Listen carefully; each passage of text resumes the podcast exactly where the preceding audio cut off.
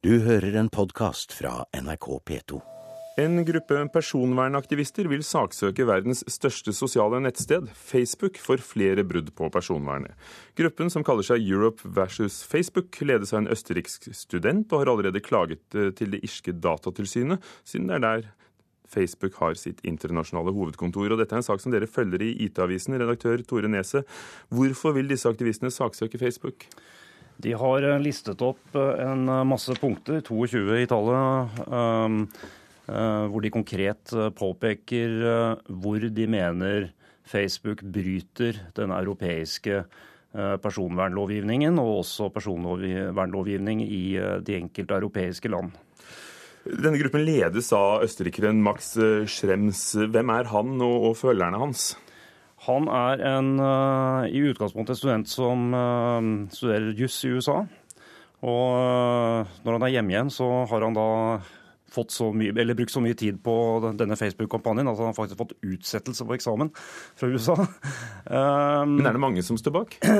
Ja, det er unge personvernaktivister, noe som i seg sjøl er ganske oppsiktsvekkende. fordi personvern er jo ikke det som har vært på dagsorden for yngre nettbrukere de siste årene. Så det virker som det er en gryende bevegelse i Europa uh, for å styrke personvernet. De har allerede lykkes med å få Facebook på retretten i, i, I, hva da, f.eks.? Ja, nei, Ansiktsgjenkjenningen klarte de jo faktisk å, å stoppe. og, og det, Schrems har blitt såpass viktig at reiser over høytstående Facebook-sjefer fra USA til Wien for å besøke han faktisk. Og, ja, Dette får store dimensjoner. Så sent som i går så kommenterte jo Facebook-ledelsen på, på en pressekonferanse i Paris Uh, saken for så vidt hvor de da åpnet for et slags brukerdemokrati, uten at jeg helt har klart for meg hva de mener med det. Men hva sier de? For de, de, de hevder jo selv at de overgår den europeiske personvernlovgivningen i, i, i, hvordan de driver. Og det irske datatilsynet har jo tidligere sagt at vi har ikke lempet på noen krav bare for å få Facebook til landet. Nei, Det er jo derfor Schrems er veldig utålmodig også. Han mener jo nå at saken må tas til retten. At det ikke lenger nytter å stole på de irske personvernmyndighetene, eller det som tilsvarer Datatilsynet i Irland. Uh, derfor så vil han da signalisere han da at vi går til rettslige skritt. Og, uh, så det er en helt klar utålmodighet her. Men når jeg ser på de punktene, så ser jeg at en, en rød tråd der er eh, kaoset. Altså rett og slett vanskelighetene for brukerne å forstå hva de skal forholde seg til når de bruker Facebook. Hvilke rettigheter har de, hvilken informasjon havner hvor, og hvem kan se hva. Eh, nå trenger han altså opp mot to millioner kroner til en rettssak som skal skaffes via publikumfinansiering på nett, sånn som ofte er blitt gjort med, med filmer og kunstprosjekter eh, de siste årene. Mm. Eh, men når Facebook stadig lanserer nye tjenester, senest i dag leser vi i Dagens Næringsliv at annonsører kan få sine kundelister sammenlignet med Facebook sine brukere. Hvordan reagerer aksjemarkedet på dette, for dette er jo et AS, Facebook? Ja, jeg vil tro at uh, aksjemarkedet leter jo med lys og lykte etter uh, forretningsmodeller som, uh, som, virker. Og da, denne modellen som Facebook har, har jo ikke vært så vellykket som forventet. det er selvfølgelig butikk, men det er disse voldsomme forventningene i, i markedet som har, som har, vært der til Facebook, jo ikke, har jo ikke blitt oppfylt. Så det er klart at de, Vi har hele tiden behov for å presentere nye forretningsmodeller og nye løsninger ut mot annonsører og publikum, som gjør at de får eh, høyere troverdighet og dermed aksjekursen stiger. Men hvem vil du gi rett? Er det Facebook som sier at uh, vi er på den sikre siden, eller er det de østerrikske studentene og, gruppen deres som mener at de bryter med personvernlovgivningen? Nå er jo ikke jeg, uh, nå er jo ikke jeg dommer i Europadomstolen, men, men jeg tror Jeg vil selvfølgelig heie på brukerne, men først og fremst med det utgangspunktet at eh, de ikke vet hva de eh, forholder seg til. Og det gjelder jo ikke bare Facebook, det gjelder generelt at vi skriver under på lange amerikanske kontrakter når vi skal bruke en eller annen eh, amerikansk nettjeneste, som er for det første helt uforståelig. Bruker en type juridisk engelsk som ingen nordmenn kan forstå, og som sannsynligvis ikke er gyldig under et norsk juridisk regime heller. Det er litt uavklart akkurat det der, men det har vært litt forskjellige meldinger fra norske jurister på det. Det får vel de kommentere. Men, men det er iallfall fryktelig vanskelig for brukerne å vite hva man egentlig underskriver på, og hva man egentlig deltar i. Men de må jo ikke være på Facebook? Nei, det er selvfølgelig frivillig å delta på hva som helst. Men Facebook er jo det sosiale limet som vi har fått, og det er jo et utrolig viktig, en utrolig viktig del av folks liv. Takk skal du ha, Tore Neseth, direktør i IT-avisen. Kulturminister Hadia Tajik vil granske driften av Office for Contemporary Art, skriver Dagbladet. Organisasjonen som er der for å fremme norsk samtidskunst i utlandet, bl.a. er det de som sørger for deltakelse på Kunstbiennalen i Venezia, får 15 millioner kroner i offentlig støtte i året. Men i høst ba de om mer penger for å kunne lage en Munch-utstilling på Markusplassen nettopp under Kunstbiennalen i Venezia. Og Hadia Tajik, hvorfor setter du i gang en gjennomgang av organisasjonen OCA? Jeg mener at vi trenger en institusjon som plasserer norsk kunst på den internasjonale scenen. Eh, og den rollen er det Office for Contemporary Art som skal ha. Men nå har vi sett over flere år at de går med underskudd. De har tatt egenkapitalen. Som det ble sagt innledningsvis, så får de 15 millioner kroner fra Kulturdepartementet og Utenriksdepartementet. Åtte av de millionene går til administrative utgifter. Og Da mener jeg at det er naturlig å ha en gjennomgang av eh, hvordan midlene blir prioritert, hvordan eh, driften er organisert, og hva som da er forbedringspotensialet. Og Der er det da styrelederen sier til Dagbladet at eh, hun er enig i at driften ikke fungerer optimalt, men, men viser til at enten må oppgavene bli eh, annerledes, eller så må budsjettet økes. Hva, hva ville du valgt da? Nå har vi denne gjennomgangen fordi vi mener at det er nødvendig å forbedre driften av den, når vi ser at eh, kostnadsveksten er vesentlig høyere på administrative utgifter enn det er på det kunstneriske. De har eh, særlig én primæroppgave, og det er deltakelse i eh, internasjonale biennaler. Og vi mener at det er viktig at Norge er representert der, og vi vil at de skal prioritere den oppgaven. Vil du hjelpe til med å få Munch-prosjektet til under Venezia-biennalen, som de eh, selv hevder er en viktig satsing? Vi har hatt uh, mye kontakt over flere år. Jeg forstår at man også har hatt kontakt uh, med departementet når uh, tidligere statsråder har, styrt det departementet. nettopp med det siktemål at OKA skal ha de beste forutsetninger for å delta på den internasjonale scenen med norske kunstnere. Og Det er òg målet med denne gjennomgangen. Hadia Tajik, kulturminister, takk skal du ha. Med den franske presidenten i spissen åpnet i går Louvre-museet ny filial i byen Lens i Nord-Frankrike i regionen Pas-du-Calais. Og mens Louvre i Paris har ni millioner besøkende årlig, håper det nye museet på rundt en halv million besøkende. Og Johan Tolgert, eh, journalist i Paris. Eh, aller først, hva slags område er det museet har lagt seg i? Ja, det ligger nära staden Lens og dette er et mye fattigt eh, koldistrikt i norra Frankrike. Och Man brukar säga att staden Lens är ett monument över ekonomisk, social och kulturell misär. När jag besökte staden nyligen så var det så lite butiker i staden tyckte jag. Så jag frågade till slut, var ligger centrum någonstans? Och så svarade man mig, ja men du är ju på huvudgatan i Lans just nu. Och då blev jag faktiskt ganska förvånad. Mm. Dette museet har kostet 150 millioner euro, altså nærmere halvannen milliard kroner. Eh, halvparten er betalt av regionen selv. Så, så hvorfor velger de å satse sånn på, på en filial av det verdenskjente Louvre fra Paris? Ja, for det første så er det vel så at man i Frankrike tycker at det er veldig viktig å utlokalisere kultur sen et par år tilbake. Det har i decennier og kanskje til og med i seklernas lopp klaget på at i Frankrike så er det bare Paris som gjelder. Men gång på gång så har man då i landsorten eh, klagat på at Paris er ikke hele Frankrike utan det finns så mye mer. Naturligtvis så har man eh, velat förlägga ett stort museum just hit och regionen er fattig.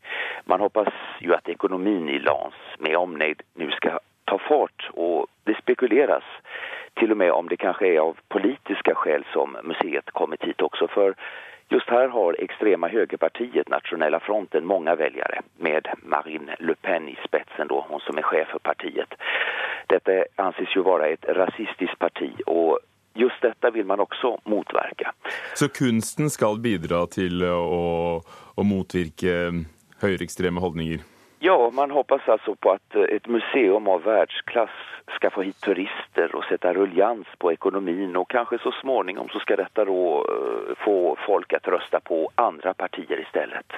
Hvordan ser det ut? Du har jo vært der, og det er eh, det japanske arkitektkontoret Sana som har eh, tegnet det. Men, men beskriv det for oss. Ja, det ser ganske lustig ut som en stor glaskartong faktisk. Fast på visse steder så det, har det fått litt lustige proporsjoner. Og mange besøkere som har vært og förhand förhandstittat på museet och öppnar ju först om några dagar.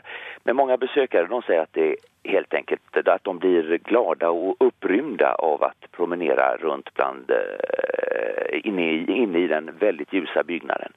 För ingen vinkel är riktigt rak och inget golv verkar riktigt platt.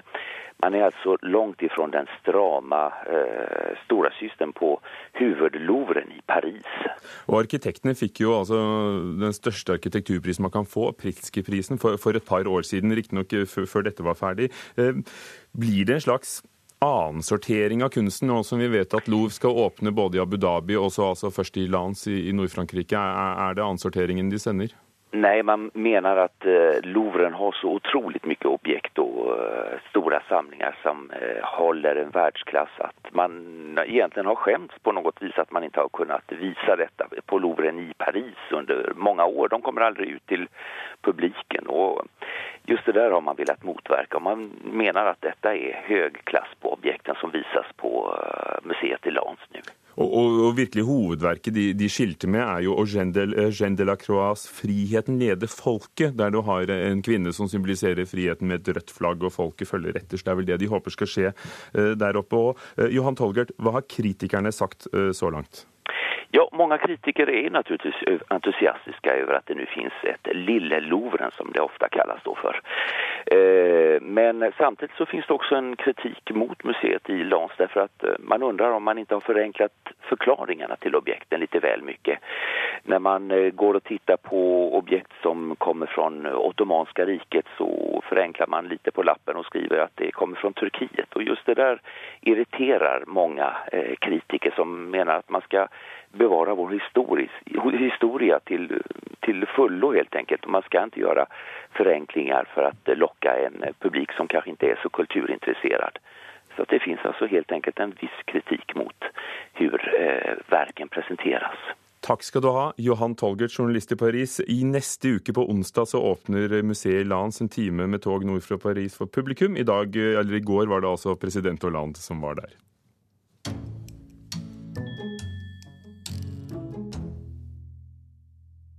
Det mosaiske trossamfunn åpner for at norske jøder kan melde fram antisemittisme på sine nye nettsider. Flere unge opplever jødehets og har savnet et sted å melde fram hatkriminalitet. Det kom frem i undersøkelsen 'Jødisk liv i Norge'. Forstander Ervin Kohn sier til Vårt Land at det er mulig å bruke tjenesten anonymt, men de som vil oppgi navn, blir fulgt opp. Den nye tjenesten er finansiert med penger fra Kirkedepartementet. Å drive dank på statens regning, eller å nave som det er blitt hetende, imponerte språkekspertisen såpass at verbet er kåret i årets ord. Å nave ble første gang funnet i Retrievers mediearkiv i mars 2012, sier seniorkonsulent Ole Kristian Våge i Språkrådet. Han har i samarbeid med nyordforsker ved Norges handelshøyskole Gisle Andersen stått for denne kåringen.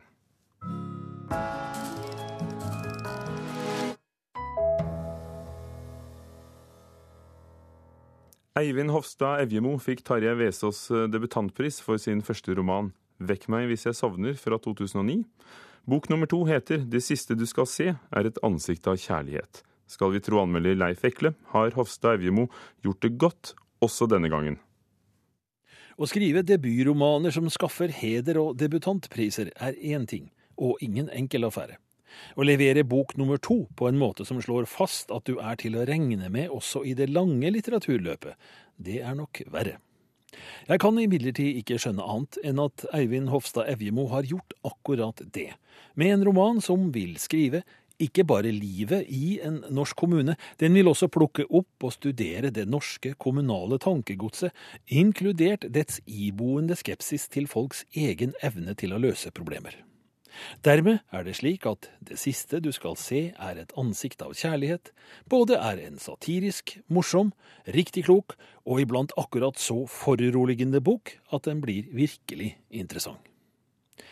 Menneskene i Hofstad Evjemos roman lever sine liv i noe jeg antar er en drøyt mellomstor landkommune, nokså tvetydig plassert rent geografisk ettersom havet og fiskeriene er nokså fraværende i virkelighetens utgave av Østerdalen.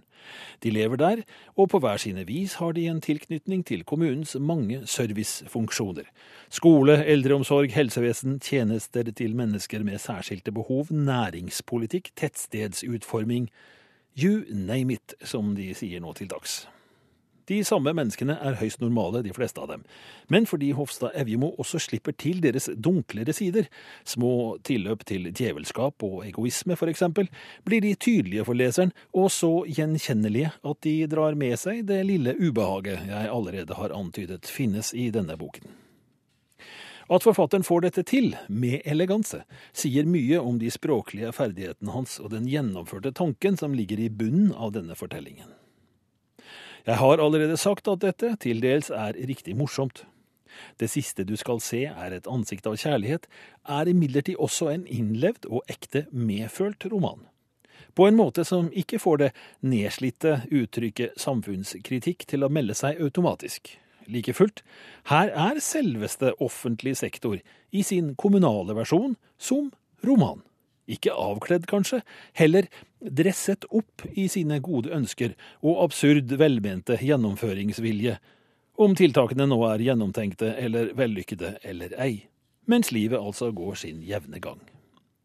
Jeg har riktignok lest én nokså kommunal roman før, jeg påstår allikevel at det siste du skal se, er et ansikt av kjærlighet, er originalvare.